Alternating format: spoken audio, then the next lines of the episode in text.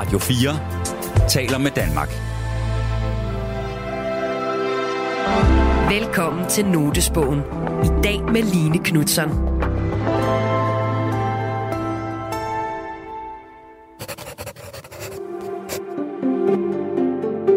Der findes forskellige slags noter. Der er forskellige grunde til, at jeg tager noter. Notesbøger er personlige og intime, og det vi skriver i dem er ofte ufærdigt og umiddelbart. Ja, når jeg er til prøver og ser øh, gennemspilninger af noget, jeg har været med til, og de noter, jeg tager der, de er meget, meget sære. Der kan bare stå røv, eller han må ikke. Vi har inviteret tre mennesker ind, der har et særligt blik på verden. Mennesker, der betragter vores kultur og omsætter det til værker, tekster og dramatik. Det er journalist Torben Sangel, dramatiker Line Knudsen og forfatter Kasper Kolding Nielsen. Jeg opretter sådan med jævne mellemrum en notesbog, fordi jeg ved, at jeg er i gang med en proces. I dag er det Line Knudsen, der åbner sin notesbog. Jeg opretter også nogle gange en notesbog, fordi jeg kan mærke, at jeg skal undersøge noget. Det er sådan en handling, at nu starter vi forfra. Nu starter der noget nyt.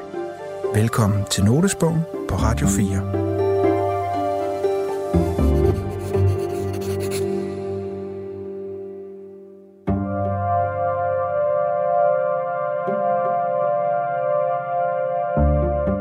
Jeg hedder Line Knudsen og har arbejdet som dramatiker i snart 30 år.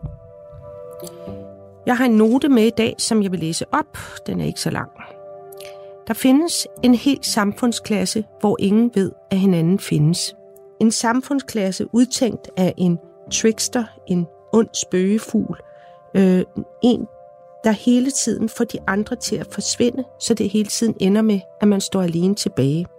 Hvem eller hvad er ophavsmanden, kvinden til dette djævelske blindværk? Det var altså noten, og den kræver lidt forklaring. Jeg har som dramatiker aldrig været på en arbejdsplads mere end tre måneder ad gangen.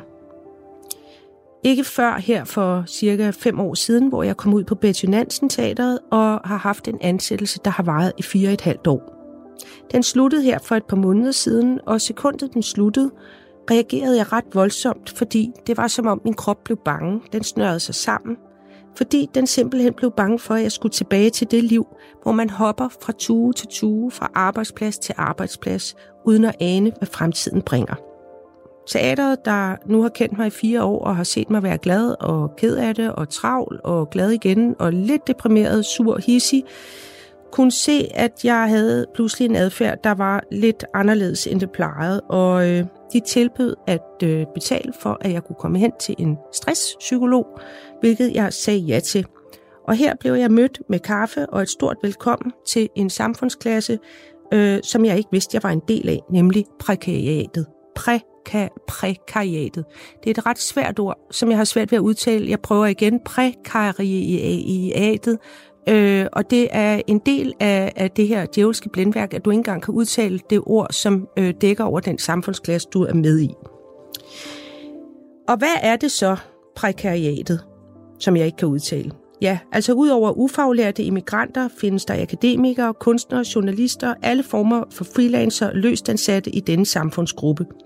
Vi har ikke nogen fast arbejdsplads. Vi er ansat alle mulige forskellige steder i korte perioder på meget forskellige vilkår. Vi har ingen pensionsopsparinger for feriepenge.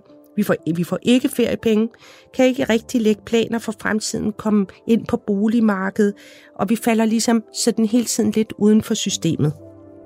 Jeg er selv et levende eksempel på ikke at forstå, hvad jeg selv er en del af. Og det er en del af sygen. Det er som om, det er en indbygget del af prekariatet, at du ikke opdager, at de andre er der. Jeg har altid troet, at jeg var helt alene om mit arbejdsliv. Men vi er mange, og jeg har kigget lidt rundt i min egen omgangskreds, øh, som jo også består af en del kollegaer inden for mit fag, og der kan jeg se, at rigtig mange er en del af prekariatet. Så her har vi altså gået rundt og troet, at vi var helt alene, men tænk, vi har faktisk vores helt egen klasse, samfundsklasse. Det er bare en klasse, hvor ingen af os kan se de andre. Vi ved nok knap nok, at de andre eksisterer. For mig er det her lidt en lille smule uhyggeligt og en lille smule mindfuck-agtigt. Og derfor vil jeg gerne tale med en, som ved noget om det her. Så jeg inviterede sociolog Rasmus Willi i studiet for at hjælpe mig til at forstå lidt om det her. Rasmus ved en masse om det moderne arbejdsliv. Han har skrevet en lang række bøger, og han har skrevet fast på flere af de store aviser. Og udover det er han formand for foreningen Andelsgårde, og han er også forstander på Surs Højskole i København.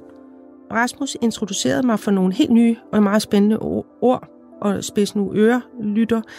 Det, der hedder flexicurity, flexploitation og flexisme. Øh, det kan du høre om inde i programmet, hvad det betyder. Og så snakkede vi om stress og stress som mulig passiv strække, og om, hvad vi kan gøre også i prekariatet, hvad vi kan bidrage med, til at, i, i, i hvert fald til os selv, om ikke andet. Ja, så her kan du høre samtalen. Hej Rasmus. Hej. Og tak fordi du fik komme i dag. Det var så let. Øh, vil du ikke lige gerne kort for, for mig øh, sætte ord på, hvad er prekariatet? Bare så vi er helt med alle sammen. Jo, altså det er en, øh, en klasse, som er præget af en højere grad af usikkerhed og en højere grad af oplevet usikkerhed. Så det er ikke, hvad skal man sige, i økonomisk forstand, så, øh, så kan man sige rent empirisk, altså rent videnskabeligt kan man fastslå, at den simpelthen øh, øh, er underlagt en højere grad af økonomisk usikkerhed. Det vil sige, der, er, der tigger ikke en fast månedsløn ind nødvendigvis øh, året rundt. Og, øh, og når jeg så også skiller mellem oplevet øh, og hvad skal man sige, de facto, at man øh, har færre penge eller øh, end andre, så, øh, så er det fordi, at øh, øh, oplevelsen af hele tiden, eller erfaringen af hele tiden at skulle kunne tænke fremad, altså som jeg tror, du sagde, at hoppe fra tue til tue, mm. så før man sådan set er færdig med den ene projektansættelse, så skal man faktisk være i stand til at udtænke det næste projekt, så der er et nogenlunde overlap. Og øh, det er et, øh, et ekstra arbejde, man er på. Øh, et form for andet holdskifte arbejde. Øh, og, øh, det, jeg, kan, jeg må bare stoppe op her og sige, jeg kan ikke sige, der hvor meget det resonerer, øh, at der er noget inde i mig, der råber, endelig er der en, der siger, at det er derfor, man føler det, som om man er på dobbeltarbejde hele tiden. Man er på, man er på dobbeltarbejde, og det er klart, der er det, hvad skal man sige, et ekstra lag af stress. Og øh, så og det, det, der er nødvendigt at forstå, fordi det, der har altid været en prekær klasse mm. på mange måder. Det kan godt være, at vi bruger det som begreb nu, men øh, uanset hvor vi, øh, hvor, hvor langt vi går tilbage i historien, så har der altid været nogen, der har været dårligere stillet end andre. Klart. Og, øh, men grunden til, eller en af årsagerne, jeg tror den primære årsag til, at vi øh, ser opkomsten eller fremkomsten af den prekære klasse, har primært at gøre med, med to ting. Den ene er, hvad skal man sige, vores nye projektøkonomi, Øh, mm. Og den anden er, at de øh, særlige økonomiske sikkerhedsforanstaltninger, som øh, primært de europæiske velfærdsstater har været garant for, øh, de er mere eller mindre eroderet over de sidste mm, 30, måske helt op til 40 år. Er, er, findes der tal på, hvor mange der er i denne her klasse? Mm, ja, det gør der, men jeg, det er ikke, jeg, jeg kan dem ikke på den måde. Og det, der jeg synes faktisk er mere interessant, det er, at den her... Mm, hvad skal man sige, øh, klasse begynder at gribe om sig i øh, et andet omfang. Og jeg, jeg tror faktisk, en god måde at, at forklare det på, det er igennem vores berømte dagpengesystem, ja. eller det, der også hedder flexicurity-systemet, fordi Danmark er verdensberømte for det her øh, sikkerhedssystem, økonomisk sikkerhedssystem. Og øh, vi ligger faktisk nummer et i, i hele verden, mm-hmm. så mhm. hvis man, øh, da jeg var arbejdsmarkedsforsker og, skulle, og havde mine studerende, så, så kunne jeg altid sige, at vi har faktisk det, det bedste sikkerhedssystem i hele verden, og uanset hvilken bog man åbner internationale arbejdsmarkedsforskere, så, så står vi simpelthen, så, så er vi nummer et. Mm-hmm. Og hvorfor så? Jo, men det er fordi, på den ene side, der kan en dansk arbejdsgiver hyre og fyre forholdsvis let. Altså forstået i forhold til andre, man går til det franske arbejdsmarked, dele af det franske arbejdsmarked, der vil man for eksempel ikke kunne afskede en lærer. Nej.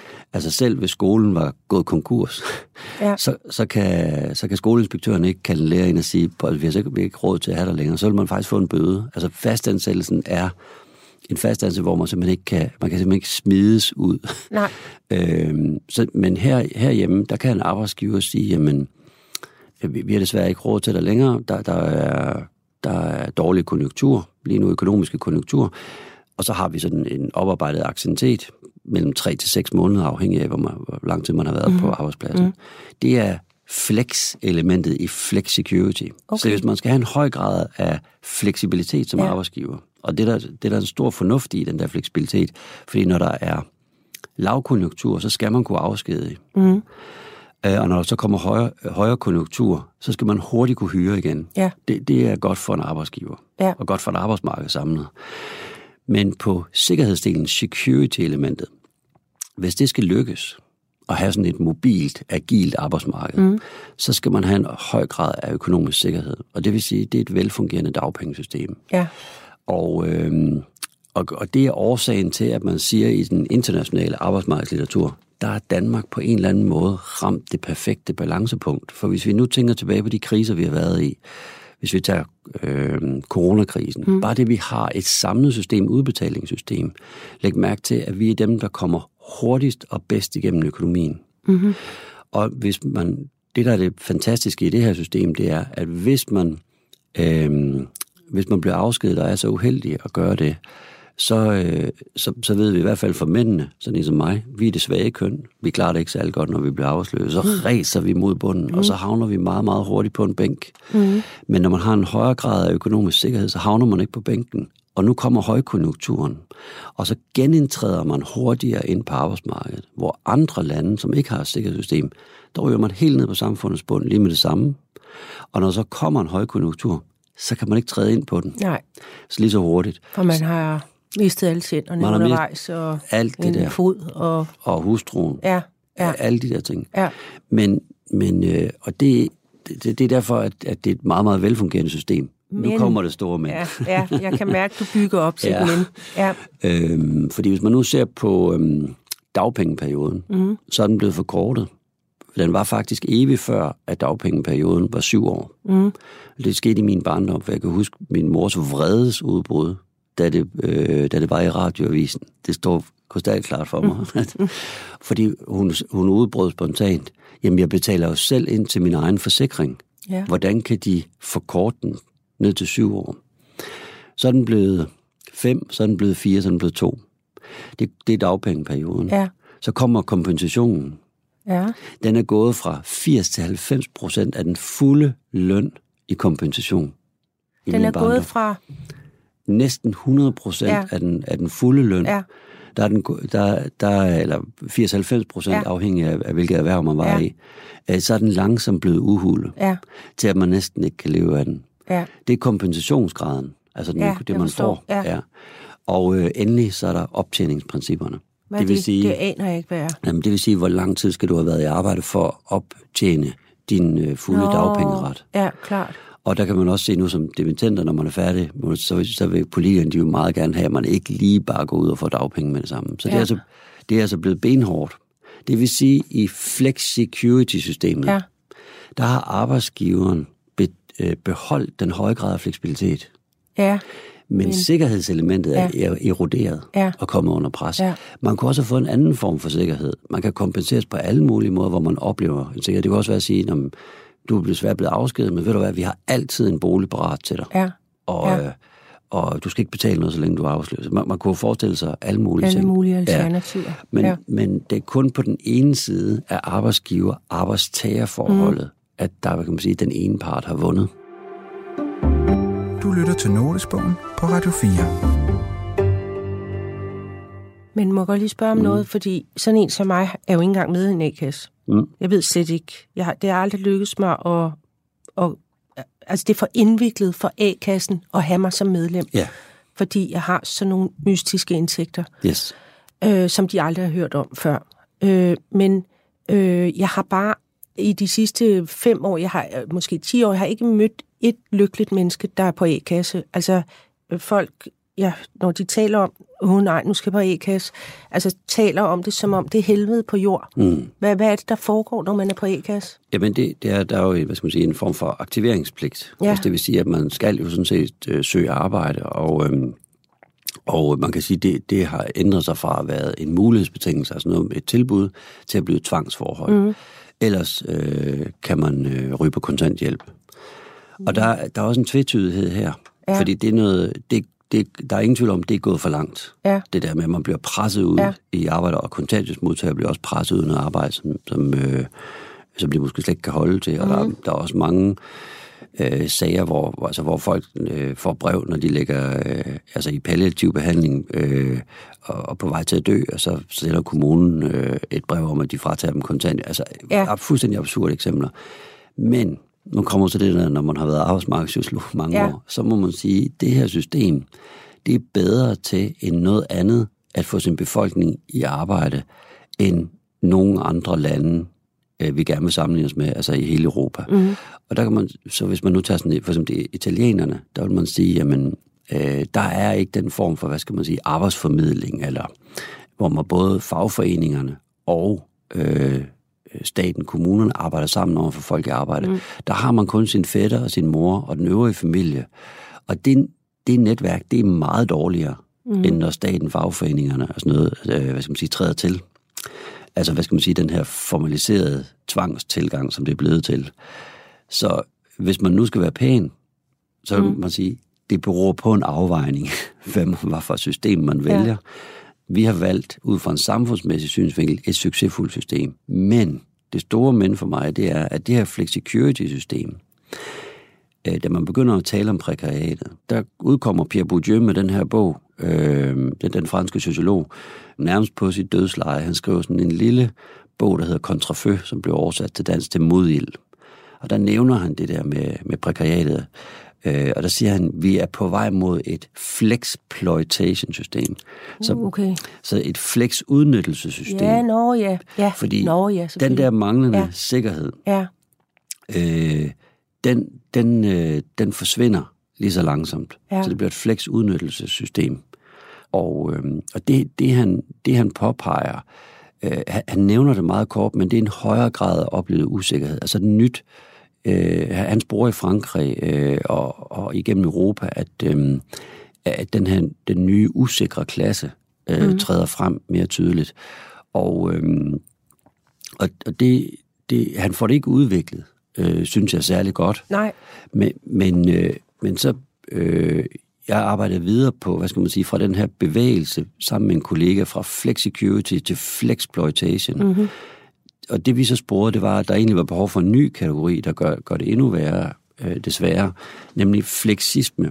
Og hvad, hvad er karakteriseret ved den? Jo, men det er, Det er et fantastisk ord. Fleksisme. ja, det lyder Ja. lidt voldsomt, ikke? Ja, men, ja, ja. Nå, ja. Det, det, ja. Men det- det fleksisme. klinger også ja. lidt interessant. Ja. Fortæl om fleksisme. Jamen det er så, når, når jo højere grad af oplevet usikkerhed, Ja, øh, øh, desto mere tilbøjelig vil man være for ikke at ytre sig ja. om særlige kritisable forhold, man oplever på sin arbejdsplads. Mm-hmm. For, for man, man bliver mere nervøs for, øhm, øh, at man så bliver afskediget, eller at, at ens, hvad skal man sige, kortvarig ansættelse ja. ko- kommer under pres. Eller i, i de tilfælde, og jeg ved ikke, om du kan genkende, men hvis, hvis du nu har gjort dig, hvis du har været en hård nyser mm. og arbejdet sammen med omkring en forestilling, mm. det rygtes mm. i din lille verden. Mm. Og det vil sige, at selvom du ser en, en ledelse eller nogle arbejdsforhold, som er helt urimelige, mm. så, vil, så vil du være mere tilbageholdende, fordi Ja.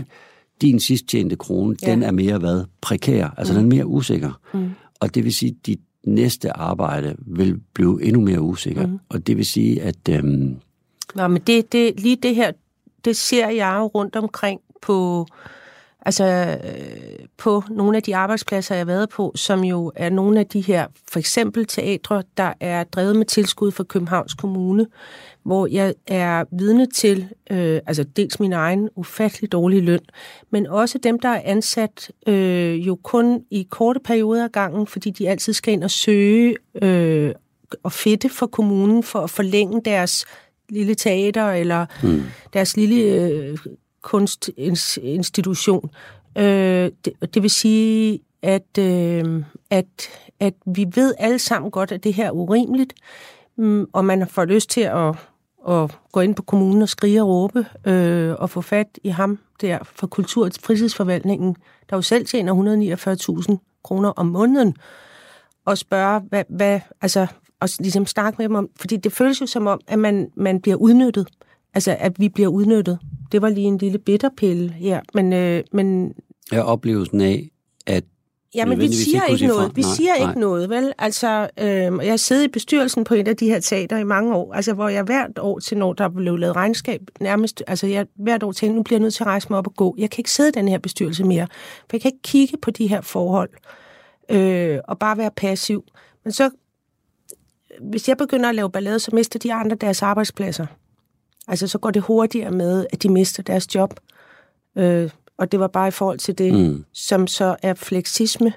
Øh, Altså, Ja, at, det- at, at, at man, man tiger Ja. for at holde på det lidt, man har, Ja. og angst for at miste det. Ja, så man- det, det vi opdagede, det var, at øh, i, i princippet, altså ideen om ytringsfrihed, øh, at den er egentlig indkomstbestemt. Altså i forhold Nå, til en ja, måde, ja. arbejdsmarkedet er inddelt på. Og det vil Ja. sige, altså vi, vi, vi kan sige, vi må ytre lige, hvad vi vil, Ja. men, men den ytringsfriheden er hvad skal man sige, uddannelsesniveau og indkomstbestemt, og de hænger som regel sammen. Ja. Så, så jo mere prekær man er i sin ansættelsesforhold, mindre, øh, og jo dårligere løn man får, Ja. desto mere tilbøjelig vil man være ikke at ytre Ja. sig. Og, der, nu, og nu bliver det jo en dårlig cirkel, fordi de dårlige arbejdsforhold, de bliver så reproduceret og gentager sig om Det, og om det, igen. det er jo det. Det ser jeg. Jeg Ja. ja. ser det tydeligt. Jeg har set det i mange år i, det, i, på mine arbejdspladser. Ja. Så hvorimod man kan sige, en bedre stillet klasse vil sige, det der, det finder jeg mig Ja. i. Ja. Jeg søger væk, eller jeg Klar. bliver her til Ja. kampen op. Ja. Jeg har ikke særlig meget at risikere. Nej. Og mange vil måske tænke, jo, de har mere at risikere, fordi de, de har en højere løn. Ja. Men, men det er den sidste tjente krone, der gør, Ja. altså kan man betale huslejen, eller hvordan skal jeg Helt komme klart. igennem de næste par måneder? Eller? ja. Du lytter til Notesbogen på Radio 4. I dag er det dramatiker Line Knudsen, der udforsker sine noter om prekariatet sammen med sociolog Rasmus Willi. min hovednote i dag, som jeg jo også har læst op, en gang læser jeg lige op igen, og siger, at der findes en helt samfundsklasse, hvor ingen ved, at hinanden findes. Øh, og det føles som om, at der er øh, noget eller nogen eller en, der har opfundet det her snedige øh, system, så vi ikke opdager hinanden, og derfor også ligesom bare tavse. Hvad siger du til det? Kan du Jeg tror ikke, Ja. ja. altså man, man kan sige, der er at... ikke øh, en, der hedder Jørgen, det ved jeg godt, men det føl, godt føles som om, der sidder Ja. en, Ja. der hedder Jørgen i et parcelhus Ja. og gnider sig og morer sig over at have opfundet det her, så det Ja. hvor ingen opdager hinanden. Også fordi der er det indbygget i det, at vi er så forskellige, os der er i prekariatet. Mm. Så jeg, når jeg ser en øh, ufaglært øh, person i et eller andet arbejdsforhold, eller en immigrant, eller øh, en journalist, så forbinder jeg mig jo ikke med, med at sige, at det er det samme. Vi, vi, vi har de samme arbejdsforhold, fordi vores arbejdsliv ser så forskelligt ud, og vi mm. bærer ikke de samme titler, så vi er bare isoleret øh, fra mm. hinanden. Ja. Så, så, så man bliver altså sådan efterladt med en følelse af, at øh, øh, ja, det, det, det er som om, det er et system næsten, mm. og det er lidt uhyggeligt. Ja. Og det, det, du, øh, det du beskriver, øh, altså jeg hæfter mig ved, ved, nogen, ved, ved den der ting om, at er der en derude, der har ja. ligesom opfundet det her? Og på et ideologisk niveau er der det. Ja. Men, men for Danmarks vedkommende er der det ikke rigtigt. Nej. Altså det, øh, Men ved, men, men, men ved det, Mette Frederiksen godt, at prekariatet findes? Ja, det ved hun godt, ja. Hvad synes hun om det? Jamen, øh, det hun ikke vil sige højt, Ja, øh, fordi det er sådan en klassisk øh, Ja. arbejdsmarkedstilgang, øh, og grunden til det, det, hun er interesseret i, hun er interesseret i én ting, og det er, at der er et højt udbud af kvalificeret arbejdskraft. ja, Og øh, selvom du tænker dig selv som en del af prekariatet, Ja. så, har du uf, så har du meget, meget høje kompetencer. Det er Ja. der rigtig mange, der har i prekariatet. Ja. Øh, stået på en scene, kan udvikle en scene, Ja. alle de ting. ja, Det, det, er nogle, øh, det er nogle meget flotte kompetencer. Mm. Men, øh, og hvorfor vil hun gerne have et højt udbud af kvalificeret arbejdskraft? Altså, øh, det vil hun gerne, fordi det presser lønnen, og øh, det øger konkurrencekraften mod andre lande. Mm. Og det er, øh, det, er, det er det svære lod, man altid vil sidde med som regering. ja, Hvis lønnen bliver for høj, så vil arbejdsløsheden stige. Mm. Altså, eller så vil man ikke kunne klare sig i den konkurrence. Det, øh, det er sådan en klassisk arbejdsmarkedsting. Nu, det kan godt være, at vi er på vej hen et helt andet sted på grund af klima- og biodiversitetskrise ja. og alt muligt andet. Men det, det er så et eller andet sted, den situation, vi er i lige nu, hvor der er, altså, øh, jeg kan sige, så tæt man overhovedet kommer på fuld beskæftigelse, den, den har også en, øh, en vrangside, fordi så stiger øh, lønningerne, og så svækkes konkurrencekraften. Ja. Så, så hun, er, hun er interesseret i at presse dig ud på arbejdsmarkedet. Ja, hun vil gerne have dig ud af det her radiostudie. Ja. Ellers så kan man sige, i hvert fald hvis det ikke giver godt nok, så vil hun gerne bruge dine kompetencer et andet sted. Ja. Men jeg vil godt vende tilbage til noget, du sagde. Mm. Noget, jeg har lagt mærke til igennem mange år, når man har været, været forsker, og man har interviewet rigtig mange, også på øh, hvad skal man sige, det prekære arbejdsmarked. Mm. Og det er, at du siger, at du har en fornemmelse af, at der er ligesom en, der har opfundet det her, der sidder og styrer det her sted. Mm. Og det er, når man bliver meget presset øh, på det her, for man kan ikke få det til at gå op i hovedet. Det er jo urimeligt, det ja. her. Du nævnte også, om det, om det så er chefen for kultur og fritid, eller hvem mm. det var, øh, vedkommendes lønniveau. ja. Jeg kunne ikke styre det. Jeg, Nej, jeg kunne ikke, du kan ikke jeg, styre det. Jeg kunne ikke styre det. Og, det, og jeg ved godt, så noget med jantelov, og, og han har sikkert super meget fortjent sine 149.000 om måneden Men, derinde. men, jeg, men jeg det, kan ikke lade være. det, der er gennemgående i alle dem, jeg har interviewet, det er, at, at at man får nogle, øh, man får nogle forestillinger, som på mange måder ikke passer, fordi mm. man, er så, man er blevet så presset Ja. og frustreret. Ja, Og, øh, øh, og det, det siger noget om presset. Ja. Det siger ikke noget om dig eller andre personer. Øh, fordi det er meget voldsomt Ja. øh, at være udenfor hele tiden Ja. og kun øh, hænge i med neglene, eller være indenfor og så, bl- og så ud igen. Ja. Og faktisk allerede vide, når man er kommet ind, så skal man være ude igen om Ja. tre måneder. ja, Øhm, og, og det, at vi, hvad skal man sige, på, øh, på nogle områder øh, kan gøre det mod kunstnere, og, og, og øh, man kan sige, du, det er også nogle klasser, der ikke ser hinanden.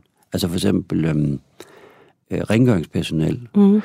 De, de, nu er vi, vi er i, i København i dag, jamen de arbejder stort set alle sammen om natten, og så når vi andre møder ind, så er der rent. ja. Og vi ser dem ikke. Det kan være, at vi lige ser dem på vej ind om morgenen, men, men, øhm, men de, de er jo ikke engang vågne i demokratiets åbningstider. Nej.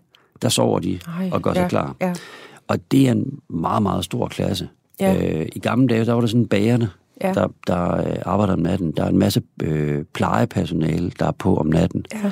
Og vi ved, de, de øh, dør lidt tidligere ja. end Ja. os andre, fordi det er ikke godt at få brudt sin søvn og hårdt fysisk arbejde. Der er ikke nogen kontrol om natten på Nej. samme måde. Fordi arbejdstilsynet og sådan noget, de sover også længe. Mhm. Mm-hmm. De sover også øh, øh, øh, og arbejder i, Ja. ja. i demokratiets åbningstider. Ja. Ja. Og det vil sige, at de der mange små mekanismer, ja. Ja. til sammen, så udgør de, og det, det øh, nu sagde jeg før, jeg synes, den franske sociolog Pierre Bourdieu sådan ikke kom videre med det, men han lavede et arbejde før, hvor han egentlig prøver at beskrive øh, på 800 sider sammen med nogle kollegaer, bitte, bitte små historier, bare på to sider, øh, om den prekære arbejdsklasse. Ja. Lige fra postbuddet, der afleverede om natten, til, øh, til den arbe- arbejdsløse, som får lidt hjælp hjemmefra. Mm. Og så skildrer de egentlig bare over et par sider, men en masse af dem. Ja. Og på den måde blev de synlige som en klasse. Ja. Og den hed øh, Le, Miserie du Monde, altså hvad skal man sige, øh, verdens øh, elendighed. Ja. Du lytter til Notesbogen på Radio 4. I dag er det dramatiker Line Knudsen, der åbner sin notesbog. Nu, som jeg også tror, jeg har forklaret, jeg var inde hos en stresspsykolog, der sagde, at altså, han laver ikke andet end at samle folk fra prekariatet op. Øh, men også folk, der sidder 10 år i Københavns Kommune og i børne- og afdelingen og bliver fortvivlet over at, øh, at sidde med byråkratiet og være til grin. Øh, og de går, folk går ned med stress. Og jeg tænker, alt det her stress, stress og angst, som vi hele tiden hører om, både blandt unge og gamle, øh, at det er faktisk en strækkeform, at det er, folk vil ikke. Og det er en måde, de kan ikke selv sige, jamen jeg vil bare ikke det her, fordi det kan man ikke tillade sig at sige, for så er vi privilegeret og overprivilegeret og snart mm. forkælet. Men jeg kan ikke, og jeg vil ikke. Øh, så går kroppen ned. Øh, så er det ikke en form for strække? Altså, Jo, det, og jeg, jeg synes, det er øh, et meget fint billede, du har. Jeg, jeg har tit tænkt, hvis man tog alle, der er jo nogle 100.000 hver eneste dag, der, der er stresssygemeldte, Ja. og hvis de stod på øh, rådhuspladsen Ja. øh, hver eneste dag, Ja. så, så ville det jo blive lavet om. Ja. Men fordi at stress netop er blevet individualiseret, Ja. det er jo ikke sådan så, at, at når man så øh, melder sig i stresssygemeld, så får man jo en henvisning øh, til en psykolog, ja, men ikke til en sociolog. Nej. Sociologen vil sige, du skal møde op i det her hus Ja. ja. sammen med de øh, på 100.000 andre, Ja, ja. og så har vi sørget for Jamen, det nogle cykler, så I ja, kan komme ind til ja, rådhuspladsen. Fordi Ja. øh, selvfølgelig er det, når, når det er så mange, Ja. så er det, det er jo ikke din egen skyld, det er, ikke, det, det er strukturelt bestemt. ja, ja, Og så, så vil man ligesom protestere. Men der kan man sige, der har man øh, fundet nogle, nogle måder at individualisere det på. Og så, Ja, men det, der har jeg, det vil jeg bare lige nævne i en bisætning. Mm. Jeg har været efter psykologerne, ja. Ja. øh, og jeg har faktisk også lavet et lille, øh, øh, et lille sindssygt øh, radiodrama, som, som, som driller psykologerne lidt med at sige, altså jeg har virkelig været efter dem. Mm. Og det er ikke fordi, der ikke sidder enkelte gode mennesker øh, rundt omkring. Det er ikke dem personligt, men det er, jeg har været efter dem i forhold til at være statens øh, håndlanger. Mm. Og, og, og nogen, der kun går og slukker ildebrænde. Og øh, i stedet for at være magtkritiske, øh, så sidder de bare rundt i nogle øh, ejerlejligheder og, og øh, driver psykologisk virksomhed.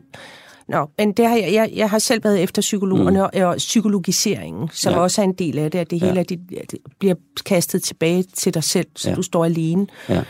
Øh, men hvad skal vi gøre ved det? Altså, hvad, hvad, hvad, hvad, hvad skal vi gøre ved det? Altså, med alt det stress og den ja. strejke, den stille strejke, ja. Ja. folk øh, udøver. Jamen, jeg, jeg tror, at... Øh, øh, jeg, jeg tror egentlig, altså det, som man kan man sige, fagforeningerne var gode til, eller har været gode til, mm. nemlig at organisere øh, øh, dem, som bliver udnyttet af et arbejdsmarked, Ja.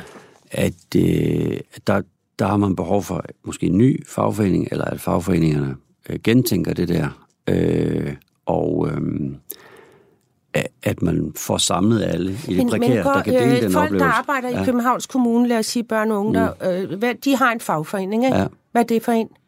Hvis Ja, du hvis det er børn, så- sagsbehandler i Københavns Kommune, Så kan det være socialrådgivernes, øh, Okay. hvis du er pædagog, så er det BUPL. hvad, hvad så, hvordan kommer en, en, der er ansat i Københavns Kommune hen til sin fagforening og siger, jeg har stress, fordi det byråkrati, jeg sidder i, er så skørt, Ja. øh, så jeg kan ikke, jeg er, blevet, jeg er faktisk blevet vanvittig.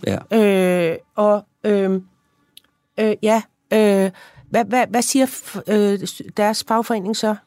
Jamen, så, så siger de, at, øhm, at øh, det arbejder vi på. Altså, vi, vi, er også, øh, vi har en løbende dialog med Københavns Som Kommune. også er om det. vanvittigt, formodentlig også er helt vanvittigt og byråkratisk. Øh, det er ikke nødvendigvis, men man kan sige, at det der er... Det, det, det er lidt en sidestor, men, men man, kan, man kan jo stille sig selv et spørgsmål, hvorfor at vores fagforeninger ikke øh, har den store succes, fordi Ja. der, folk melder sig ud af dem. Ja, hvorfor? Øh, det, det tror jeg simpelthen har at gøre noget med, at man har kommet til at relativere øh, strækkeretten øh, for meget. Ja. Altså det der med, at man siger, at, øh, at vi hele tiden, øh, at, øh, at man ligesom, nogle gange så skal man jo øh, vinde den type af arbejdsmarkedsret og overenskomstniveau, hvor man faktisk kan sige, det her det finder vi os ikke i, nu går vi. Mm. Men hvis vi lægger mærke til, at sygeplejerskerne strækker, mm. Så er vi i nødberedskab. Og så, så det der nødberedskab, det bliver bare ved ind til mm. strækkekassen. Den er tom. Ja, Øh, øh, det, det samme kunne man se med nogle andre professioner, hvor, hvor, øh, hvor man bare tømmer strækkekassen. Mm. Det vil sige, at arbejdsgiveren vinder faktisk hver gang. Og, øh, og der, der tror jeg, at der må man så sige, at det kan godt være, at vi har skrevet under på et nødberedskab. Mm. Og, fordi det, er- og det er det rigtige. Men der kan det godt være, at man bare skulle udvandre helt. Mm. Og sige, der er slet ikke nogen på Rigshospitalet de næste mm. to uger. Øh, der er ikke nogen i daginstitutionerne Nej. i Københavns Kommune. Jeg, jeg, jeg tror på det der med, at man ligesom, ja, nu siger jeg, har fået relativeret strækkeretten. Ja. Og hvis der så nu sad tre jurister fra en øh, fagforening herinde, så vil de sige, jamen du kan jo nok forstå de historiske omstændigheder, mm. og så skal vi have det ene og det andet. Og nogle gange bliver man simpelthen nødt til at lave clean slate og sige, ja. jamen det skal være sådan, at vi til enhver tid kan sige, det her det vil vi ikke mere. Ja. Øh, vi vil have en anden ledelse, vi vil have nogle andre arbejdsvilkår, og, øh, og, men så kan man også sige på den anden side, den risiko tager fagforeningerne heller ikke. Altså arbejdsgiverne tager en risiko og har vundet ved at sige, vi tømmer sim- vi tager satset. Mm. Vi ser sgu, om vi kan tømme deres strækkekasse mm. og køre i nødberedskab. Øhm, og det viser sig, at den strategi, den har holdt Ja. de sidste mange gange. Ja. Og, øhm, og, og så kan man jo Det så... er fandme også svært at bede for øh, sygeplejersker og læger, eller sygeplejersker bare om at udvandre for kræftafdelingen inde på Rigshospitalet. Altså, ja, det er altså det. det, det, men, det er jo, men, der er øh, du det, inde men i... det der er, og jeg vil jo også, øh, nu taler vi om det, Ja. det er jo uskyldigt det her, når vi taler om et radioprogram, men hvad vil det sige at have øh, årlige, månedlige sager, hvor kræftbehandlingen ikke står mål ja. med det, man har ja, lovet, Ja, men det er også... til altså, at man siger, ja, ja nu, øhm, øh, nu lukker vi simpelthen Ja, ja. skidtet. ja. Øh, og det er ikke os, der lukker det. Nej, det det har vi samfundet besluttet vores Ja. ja. politikere for mange år Ja. ja. siden. Øh, og, og det er jo den, ja, det er en afvejning, man Ja, må tage. ja, ja men man, jeg forstår det ja. ja. godt. Og jeg, øhm, og jeg tror selv, at jeg vil tilhøre en mere radikal del af, Mm. af den gruppe, der siger, det, nu lukker vi bare. Altså, øh, okay. Men for bare lige at binde sløjfe på det med stress, og øh, hvordan kan vi ændre det her? Altså, hvordan...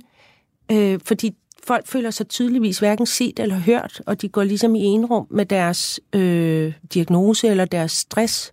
Altså, hvordan ligesom prekariatet, vi ender alene med det, Mm. kan man ændre det her? Altså, hvordan kan vi altså kaste lys på, at det, det, det er ikke dig, det er en struktur, der, der er gal. Mm. Hvordan, gør, hvordan skal vi gøre det?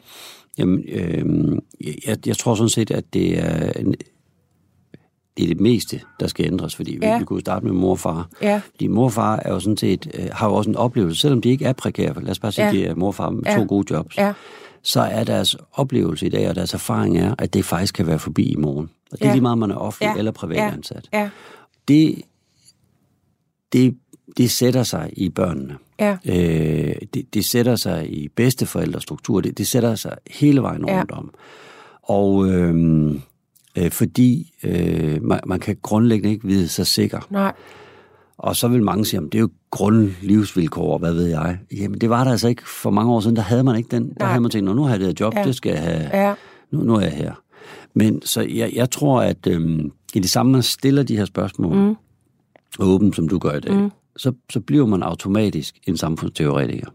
mm-hmm. Man, så, må man, øhm, så må man gå i gang Ja. med stort og småt. ja, Og, øh, og så skal man også... Øh, så skal man også passe på sig selv i den proces, Ja. fordi så, så er det det hele på en gang. Ja. Og, øhm, og jeg, jeg kan sige, øh, for, for mit eget vedkommende, der har jeg nogle, nogle ganske små ting, jeg gør ved, ved stress, og, øh, og, og, og så gør jeg nogle andre ting på, hvad skal man sige, på, på øh, de lidt større, øh, i større juletræk, hvor mm. man er med til at forandre nogle ting. Men det er jo alt fra, hvis jeg kan mærke, at nu er der lidt sni, snigende stress på vej, så stryger jeg skjorter. Mm. Det, det er mit lille mm. middel. Eller øh, til, til, altså jeg tror alle sammen, vi faktisk har lært mere eller mindre, eller er i gang med at lære små kompensationsteknikker, Ja. når vi, uh, nu skal jeg til at passe på, fordi vi, det ligger der hele tiden som sådan en latent ting, ja. og det kan godt gå hen og blive. Og så er der nogle større ting, hvor man må afsætte tid, frivilligt arbejde, hvad ved jeg, for at forandre det Ja. der. Du lytter til Notesbogen på Radio 4. I dag er det dramatiker Line Knudsen, der udforsker sine noter om prekariatet sammen med sociolog Rasmus Willi. Må jeg godt lige spørge, øh, øh, jeg har tænkt på, nu var der en stresssag inden for Christiansborg, mm. og det har vi jo, det, det var først, da en eller anden politiker øh, erklærede, ja. han, han gik ned med stress, og jeg tænkte, gud, hvad hvis de alle sammen har stress derinde? Jamen, For det det, tror jo. jeg, at de har. Ja. Er de så overhovedet i stand til at tage beslutninger? Altså, hvis man er stresset, Mm. og har måske alle mulige diagnoser. Mm. Hvad hvis hele Folketinget er syg af stress? Fordi man må vel sige, at mange af de øh, beslutninger, de tager, de virker jo syge. Mm. Så det er jo syge mennesker, der... Altså, nogle gange tænker jeg, gud, de må være så, i så skidt en forfatning, siden at de kan lave den sidste skolereform, eller mm. øh, udsætte vores pædagoger øh, for, for alle de her besparelser i, rundt omkring i institutionerne eller mm. psykiatrien. De budgetter, der bliver vedtaget i forhold til psykiatrien, virker jo som om, det er lavet af syge mennesker. Mm. Kan man sige det? Ja. Er det strengt at sige? Øh, jeg tror ikke, jeg vil øh, sige syge, men jeg Ja. tror, jeg vil sige stresset. Ja. Altså, fordi det kan man sige, øh, øh, det, det, har også, det er en, en del af debatten nu, at, øh, at, at folketingspolitikerne er stresset. De går Ja. jævnligt øh, ned Jeg med tager stress. selv meget dårlige beslutninger, ja. når jeg er stresset. Yes. Øh, så jeg tænker, at øh, det gør de vel også. Ja, og, og man kan også se det på det, øh, altså den type af, det er der også lavet meget fine analyser af, altså den type af lovgivning, der bliver lavet, er forhastet, Ja, stresset. øh, fejlbehæftet, Ja. Og, øh, og det er fordi embedsmandsværket, og det er der øh, tydelig indikation på, øh, er meget stresset. Altså, så de er og psykisk underbemandet. Øh, de er ikke psykisk syge, men de er stressede. Men det er vel også... Altså, der ja, altså, man er vel lidt... Altså, Ikke, ikke hvis nej, man skal det, være nej, præcis. Nej, okay, så Men, trækker det men jeg vil sige, at øh, hvis man ser på, apropos det prekære, altså mm. man kan sagtens have en udskiftningsfrekvens i et ministerium mm. øh, på over 25 procent i løbet af et år. Det vil sige, at det, der bliver lavet, øh, der, der er ingen erfar- erfaringsopsamling. Øh, det Nej, bliver lavet hastigt, det og så er folk sådan set, Ja. øh, hvad skal man Ja. sige, øh, så stresset, at de forlader. Ja. Altså, jeg sige, en karrierevej er at hænge i så lang tid man kan. Ja, Og hvis man så ikke kan have en karriere i et ministerium, ja. så kan man komme ud Ja. udenfor øh, og lave en, en stor karriere i en kommune eller Ja. en region. Og, og det, øh, øh, det, det er fordi øh, det system, øh, øh, altså den måde, der bliver lavet altså, øh, lovgivning på, og sådan noget, og det har at gøre med, at man, man detaljlovgiver, og så, mm. så snart man begynder at detail, for eksempel nu nævnte du folkeskolereformen, mm. altså det, det, der kan man sige, i andre lande, der har man nogle rammer, mm. Som man forhandler helt overordnet, meget, meget langsigtet. men er det en del af stressen af de, øh, den, de her forhastede, detailorienterede små mm. øh, lortelovgivninger, Ja. øh, så den hele tiden bliver skudt ind og stresser medarbejdere ude Ja. i kommunerne? Ved de det selv, eller er de selv fortabt inde i Folketinget? De, de, de ved det godt, mange af dem ved det godt, men, men det de så, øh, når først man har sat gang i det jul, så har de også svært ved at komme ud af det. Ja. Øh, og så de dybt, øh, det der er det uheldige ved, øh, hvad skal man sige, ved folketingspolitikere, det er, at de er, øh, altså de produkter af, hvad skal man sige, en politisk markedsdannelse, de skal vælges en Ja. gang hver fjerde år. Ja. Og medierne Men det er jo også Øhm, stressende. er, er øh, øh, altså en stor fejl i det danske, nu springer vi helt over Mm. noget andet, men en stor da, øh, fejl i det danske folkestyre, det er, at pressen bor på Christiansborg. Ja. At de, de skal ud derfra, der Ja. bliver nødt til at være, være armslængde, og det vil give en anden form for Ja. arbejdsro. Men du, du kan ikke, øh, altså, øh, de st- øh, danske folketingspolitikere er i princippet, når de møder ind, så er de faktisk alle, så, så er de, sidder de i TV-avisen. Ja, det er jo også Øh, og det, det går, forrygt. det, forrygt. det, det går Ja. ikke. Øh, øh, så det at komme ud af et, Ja. øh, sit konferencelokale, Ja, det vil, bare selv. og så er der Ja. journalister. Ja. Altså, så det, det, det går Det- ikke, og vi nej. kan så sige, øhm, så, så, det, det, så, så det er hele tiden det der med, at der er mange involveret, mm. Og der er ligesom ikke en faggruppe endnu, der har sagt stop. Nej. Hvis, hvis man nu tager de privilegerede øh, universitetsansatte, mm. som jeg selv har været mm. en del af, øh, øh, har jo heller ikke sagt, vi, vi stopper al forskning øh, under de her forringede øh, betingelser. Vi kommer ikke til at undervise de Nej. næste generationer. Vi tager hjem. Ja. Det vil man aldrig. Nej. Så, så det er Men også... altså, sagen er jo også, at mange vil jo bare sige, jamen, I kan da bare tage hjem, vi er da ligeglade. Ja, Altså, sådan er det jo med kunstnere. Ja. Vi er da ligeglade. Ja. Jeg, altså, hvis jeg kunne sætte mig ind og strække. Jeg Ja. strækker, jeg vil ikke skrive mere dramatik. Ja. Nå, who cares? ja. Du lytter til Notesbogen på Radio 4. Nu skifter jeg lige øh, til min sidste note, Ja. og det er, øh, Rasmus, øh, er der nogen fordel ved at være i prekariatet? Er, øh, som er et spørgsmål, som jeg har skrevet ned, øh, fordi jeg tænker, nu da jeg har opdaget det, øh, og jeg kunne ikke ønske at være øh, i det andet, øh, mere populære arbejdsmarked, mm. fordi jeg, jeg kan godt se, at jeg har nogle fordele mm. med mine arbejdstider og sådan noget. Det er en fordel. Jeg bestemmer meget selv. Men, men er der... Øh, er der nogle fordele i den her livsform? Noget, vi kunne udnytte, os der ikke er med i på, på, på den store øh, arbejdsmarkedsvogn? Mm. Ja, jamen, men det er der jo, altså man kan sige, øh, det, det at være øh, prekær, er jo Ja. også at få skrællet alle materielle goder, Ja. altså, som jo tynger Ja. øh, meget.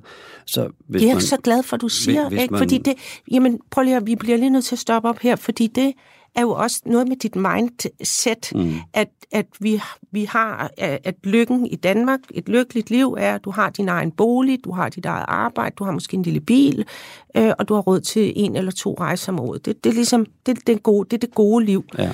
Øh, men det kunne godt være, at der var nogle andre gode liv, mm. hvor man for eksempel ikke har noget. Ja. Altså det ikke at have noget, mm. og eje noget, og slæbe rundt på noget.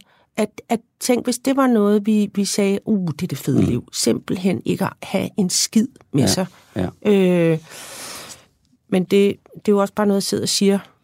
Ja, men, men der er også en sandhed forbundet med det, fordi man kan se, at øh, altså, vi bliver altid udråbt som et af sige, verdens øh, fem lykkeligste folkefærd, mm. og det er sådan set også rigtigt nok. Øh, Der er bare lige et lille catch ved mm. det, og det er, at siden 60'erne, mm. når man måler, så er det faktisk gået ned ad bakke. Ja, Så det kan godt være, at vi er top 5, men siden 60'erne. Og hvad var det, der var i 60'erne? Der var måske der, der var en velstandsforhold, hvor vi får et køleskab, mm, vi får en vaskemaskine, og så måske en bil. ja, Og det er rigtig godt med et køleskab. Det er også rigtig godt med en vaskemaskine. Mm. Derfra så går det ad bakken, Ja. fordi det er ligesom... Ja. Ja, så er det gået Man kan sige, det, det er et nyt velstandsniveau ja. for et grundlag og for Ja. ja. dækket behov, fordi det med vaskemaskinen, det, det sparer altså rigtig mange timer hver dag Ja. i, en, i en husholdningsarbejde. Ja. Ikke? Køleskabet, det er også rigtig fedt, fordi så, så kan tingene holde sig lidt længere. Ja. Der er også noget med komfur og sådan noget, men det havde man før. Men, men det, jeg vil sige med det, det er, at der er jo en, en, der er en, lidt en mellembevægelse ind her, som, øh, som altså folk, som, sparer, som, som øh, tjener gode penge, eller nogen penge, mm. og så sparer de alt op. De lever for ingenting. Mm. Og de har den idé om, at de kan gøre sig fri meget Ja. hurtigt. De investerer typisk ind, så køber de en lille bitte lejlighed og lejer Ja. den ud. Øh, og så sparer de endnu mere, og så køber de en lille bitte en mere, og så lejer de den ud. Og så er lige ideen faktisk, at man allerede som 40-50-årig altså kan leve af det. Ja. Simpelthen fordi man har Ja. øh, ikke brugt nogen penge. Ja. Og det, det tror jeg, um, øh, jeg tror, det er sådan en bevægelse, der godt kunne hen ad vejen øh, vo- vokse. Ja. Øh, eller vi vil få flere øh, af den type bevægelser Ja. med forskellige typer af farver eller ja. nuancer. Og, og, øhm, og du nævnte Jeg du selv, kunne godt ja. tænke mig at blive den hjørne, jeg snakkede om tidligere i programmet, ondskabens ja. øh, lakaj, der ja. Sidder i et, i et eller andet nedsunken hus bag nogle patienter og gnider sig frydefuldt i hænderne over at have opfundet prekariatet. Men jeg kunne godt tænke mig at sidde også med frydefuldt gn- gnidende hænder øh, og, øh, og være med til at starte en bevægelse, hvor folk de ligesom afstår og melder sig ud og, og bare øh, siger, vi vil ikke have med det at gøre, mm. øh, og at der opstår en ny livsform. Øh, Men må jeg opponere mod den? ja, Fordi Nå, øh, øv. der, man kan Ja. ja. sige, det er jo sådan ideen om den ultimative frihed. Mm. Men, men frihed eksisterer kun i en vis form for begrænsning. Ellers så, bliver den, så kan du ikke mærke den. helt Og, klart. og øh, med den, når man melder sig helt ud, er der en eksistentiel angst forbundet. Altså, hvad, hvad, hvad skal jeg gøre nu? Hvor skal jeg... Hvad, hvad, hvad, hvad skal jeg begå? Ja, du har simpelthen behov for at blive bekræftet af andre. Ja, Og dem, der rykker sammen i de der, nu siger jeg bare, øh, det kunne være en bevægelse som tiny houses, ja, de leder altid efter et sted ja. øh, ude på landet, hvor de ligesom, øh, og så de første, siger, jamen, det, det er, må, må jeg overhovedet sætte den der? Nej, det er der et regelværk for. Mm. Men jeg kunne godt tænke mig en kloak og noget el. Mm. Nu kobler de sig allerede på samfundet igen. De Ja, vil jamen, helst det er heller det- ikke have, nej, at der det bor det. andre. Ja. Hvis det skal være, så, så skal man også bare kunne, kunne tage det der tiny house og smutte et andet sted Ja. hen. Det, der er Jeg forstår godt, hvad du mener. Ja. ja. jeg, jeg synes, der er noget, vi ikke har talt om, mm. og det, det skulle måske... Ja. Øh, det er, vi behøver ikke at have en prekær klasse, fordi vores ulighed er vokset så meget, ja. øh, at når man ser på, øh, hvor mange penge der er i vores samfund, så er der ingen grund Hvor til, er, Rasmus, ja. hvor er de mange penge, alle taler om? Hvor de er. Ja. Jamen, øh, altså på i, hvad skal man sige, øh, nu siger jeg bare, øh, 10-20 procent af befolkningen tjener enorme summer. Ja, Øh, og der er, øh, øh, vi er en meget stor del af en klasse, som meget gerne vil betale et par procent mere i skat, for vi Ja. vil ikke engang kunne mærke det. ja, Og øh, for at der ikke skal være nogen prekære. ja, Og jeg vil gerne tilbage til det der flexicurity-system, ja, hvor at man så også skal sige, nu siger du, du har ikke meldt dig ind i, men der er jo nogen, der skulle have holdt dig i hånden, så du kom ind i et dagpengesystem, sådan så at du fik 80 procent, når du var Mhm. arbejdsløs i de der mellemperioder, mm. så fik du 80 procent af den fulde løn. mm-hmm. Så vil du ikke have den Men jeg ved jo nervøsitet. aldrig, hvad den fulde løn er. Det er det, Nej, hver gang, jeg kan men ud. det er så en overenskomst, Ja. ja. hvor dit eget skuespilforbund Eller dramatikerforbundet. ikke har været dygtig nok. Nej, det, det er en anden historie. Ja. Men, men det er på arbejdsmarkedsniveau og på dit arbejdspladsniveau mm. at få ordnede arbejdsforhold. Ja. Det, det er en helt anden sag. Øh, og og det, vil, øh, det vil medføre, at øh, vores øh, regning til sygehusvæsenet og alle de der psykologer, at det vil falde betydeligt. Mm. Øh, der er også noget andet, man kan gøre op med, og det er, at vi øh, får ordentlig mad i vores daginstitutioner, folkeskoler, på vores arbejdspladser. Mm. Øh, fordi vi har en enorm sundhedskrise, den er også forbundet til alt det her. Mm. Men i stedet for, at øh, billig mad er rigtig dårlig mad, mm. Vi, vi, kommer, vi kommer til at se en eksplosion, eller gør det allerede nu i, hvad skal man sige, livsstilssygdomme, øh, sygdomme, altså øh, overvægt, diabetes mm. og alt muligt andet. Det rammer den prekære klasse hårdere. Mm. Øh, og, og det her det er, nogle, det er nogle meget, meget nemme tiltag. Mm. altså det, Ja, ja, ja, ja. det, er ikke, det er ikke sådan en... Men hvis øh, Folketinget er ramt af stress, Ja, så øh, har vi jo bare et problem der. Altså, så, altså det, det er jo et kæmpe problem, fordi hvis ikke de kan være med til at... Altså, ja, hvis de ikke ved de overhovedet det her, du Jamen, siger. jeg, jeg vil ikke regne med Folketinget. Nej, Altså, nej. på en måde, så nu kommer jeg lidt over på din bane, Ja. ja. fordi min erkendelse er jo også, at de der 179 politikere, for Ja. eksempel, var nogle af de, de ting, jeg kæmper for, Ja. ja. der må jeg sige, det kan de ikke. Nej, det kan de Ja, ikke. De er nej. for svage. Og så tænker jeg også, måske er- har jeg lavet en bummert her, fordi kan man tillægge dem alle verdens urimeligheder? Nej, det Der skal er, man... Der er jo nej, kun nej, nej, nej. 179 Ja, af dem. ja, ja. Og så, så, nogle, så, så, så tænker jeg, jamen, så må jeg hellere melde mig ind i nogle foreninger, Ja, der kæmper det, det, for det, også, jeg vil. det er også rigtigt. Eller jeg må, ja, jeg må selv gøre ja, det. ja. Og det, Det er også, det, det, det går jeg meget ind for. Ja. At tage skeen i egen hånd. Ja. Selvtægt. ja, Ej, nu gik det, det var ikke, måske ikke voldelig selv, selvtægt, men, men selv Ja. at tage, åne sit eget liv og sige, ja. det er fucking mig, der bestemmer her Yes. i min butik. ja. Fordi, Men altså, min butik, og nu siger jeg den sidste ting, ja, Øh, altså problemet er, at jeg inde i min butik, jeg vil ikke have noget med mit idé at gøre.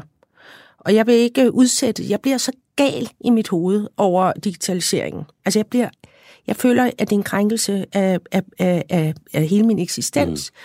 Mm. Jeg, jeg, øh, jeg er så meget imod, øh, jeg er så meget imod e-boks, så, så, så jeg er parat, der kunne jeg næsten blive voldelig. Altså, at, at vi har lavet et system, og at man kan modtage post efter kl. 16 fra stat og kommune. Jeg synes simpelthen, det er en krænkelse af privatlivets fred. Øh, nå, det var bare lige en lille sidste mening, men der er jeg faktisk på, på, parat til voldelig revolution for at få e-boks ud af det her. må jeg ikke lige sige Ja, noget jo, til ja, det, du siger? ja. Fordi man kan sige, jeg ville jo synes, det er lidt kedeligt med dine kompetencer, at kanalisere alt din vrede hen imod E-boks. e-boks. Ja. Jeg, jeg tror, jeg vil vælge nogle andre kampe. Altså, men det, det giver udtryk for, Ja, det er, at, øh, at alt bliver en kamp i prekariatet. ja, Øh, og når man bliver presset. ja. Og så skal man projicere sin vrede hen nogle Helt steder. klart, og jeg har Og- masser og- af og- ofre, og der, det, der, der erfarer min vrede. Der, der er en del af den her misære også med e-boksen, det, Ja. er, det er anonyme kanaler, som anonymiserer alle. ja, det er og, forfærdeligt. Og, og øh, det er en kodialisering, det kommer efter kl. 16, ja. Ja. er det, du siger. Øh, og der, der, det, der bliver det svære for, for os alle sammen, Mm. prekær klasse eller ej, det er at kunne vælge de kampe med, med omhu. Jeg ved det godt. uden at de slider os Ja. øh, op. Ja. Og, og det, det, det er... Mm, Det, er- det er svært, Rasmus. Det Fordi er- med, at, at det, det, det med e-boks, det er sådan en daglig, øh, eller en ugenlig øh, og lille uhyggelig oplevelse. Men, men jeg, jeg forstår godt, hvad du siger. Det er ikke der, jeg skal lægge mine kræfter, men det er godt nok provokerende. Mm. Og det er, Det er det. det er, det, Ja. det er grove løjer. Ja. Det er rigtig grove løjer. Ja. Nu skal jeg til at runde af og tale med dig i mange timer, vil jeg gerne sige. Jeg vil gerne øh, gå bare med som sådan, sådan en mærkelig hund efter dig og, og høre dig snakke om mere. Men øh, tak fordi du kom, og tak Rasmus. ja, selv tak.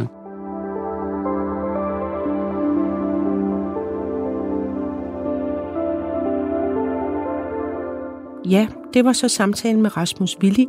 Øh, vi sad lidt og snakkede bagefter, da mikrofonerne var slukket, og, øh, og Rasmus kom lidt ind på det med øh, mig, der leder efter en ophavsmand, som jeg jo skrev i, i min note, at øh, hvem er ophavsmanden bag prekariatet, øh, at jeg ligesom insinuerede, at der må være en, der står bag dette djævelske blindværk, og der siger Rasmus, at øh, det der med at lede efter en ophavsmand øh, i sig selv er et symptom på stress. Øh, og det har vi jo set med, ja, vi så det i USA for nogle år siden med QAnon, og øh, at, man, at man, man, man ligesom bliver overbevist om, at der er nogen, der står bag øh, Bill Gates eller Jeffrey Epstein, eller der er nogen her i Danmark, der sidder inde i nogle lejligheder og styrer det hele. Øh, det ved jeg jo også godt, der ikke gør, men der er det måske en dårlig idé for eksempel at bruge meget energi på at hisse op over e-boks, øh, for mit vedkommende, som er noget, jeg er meget vred over. Øh, fordi e-boks har jo ikke nogen hverken ører eller øh, øjne, der, så, så, så der er jo ingen, der hører eller mærker min vrede. Så jeg vil tænke videre over, hvad øh, jeg egentlig kunne gøre, sådan så jeg selv synes, at jeg har det godt, og at det er konstruktivt og helt reelt fører til noget, i stedet for at rende rundt på gader og stræder og rase over ting, der alligevel ikke øh, findes i virkeligheden. Fordi e-boks, jo, det findes, men dog og dog findes det. Det øh, er jeg nemlig ikke helt sikker på, at det gør. Det er i hvert fald ikke rigtig virkeligt. Nej, ud i virkeligheden med dig, Line, og det er min sidste ord for i dag. Jeg går ud i virkeligheden nu.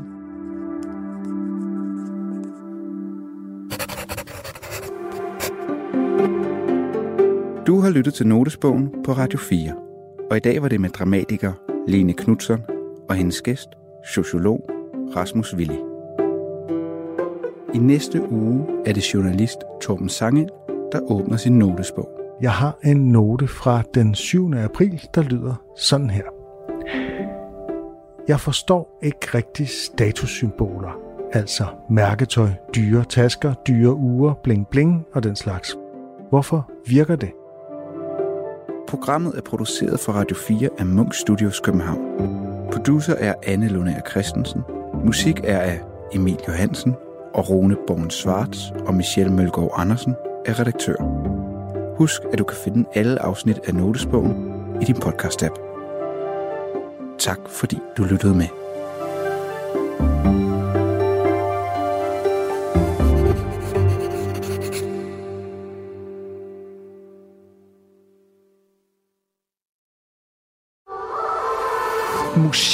er en hurtig genvej til at komme ind bag facaden. Hvis man skal sige essensen af, hvem er jeg, så er det de samme. Ind bag den offentlige person. De synger også irriterende godt. I Portrætalbum bruger Anders Bøtter musikken til at vise nye sider af sine gæster. Gita Nørby, Tim Christensen, Sofie Gråbøl, Anders Akker, Allan Olsen. Både dem, du er fan af, og dem, du ikke troede, du havde noget til fælles med.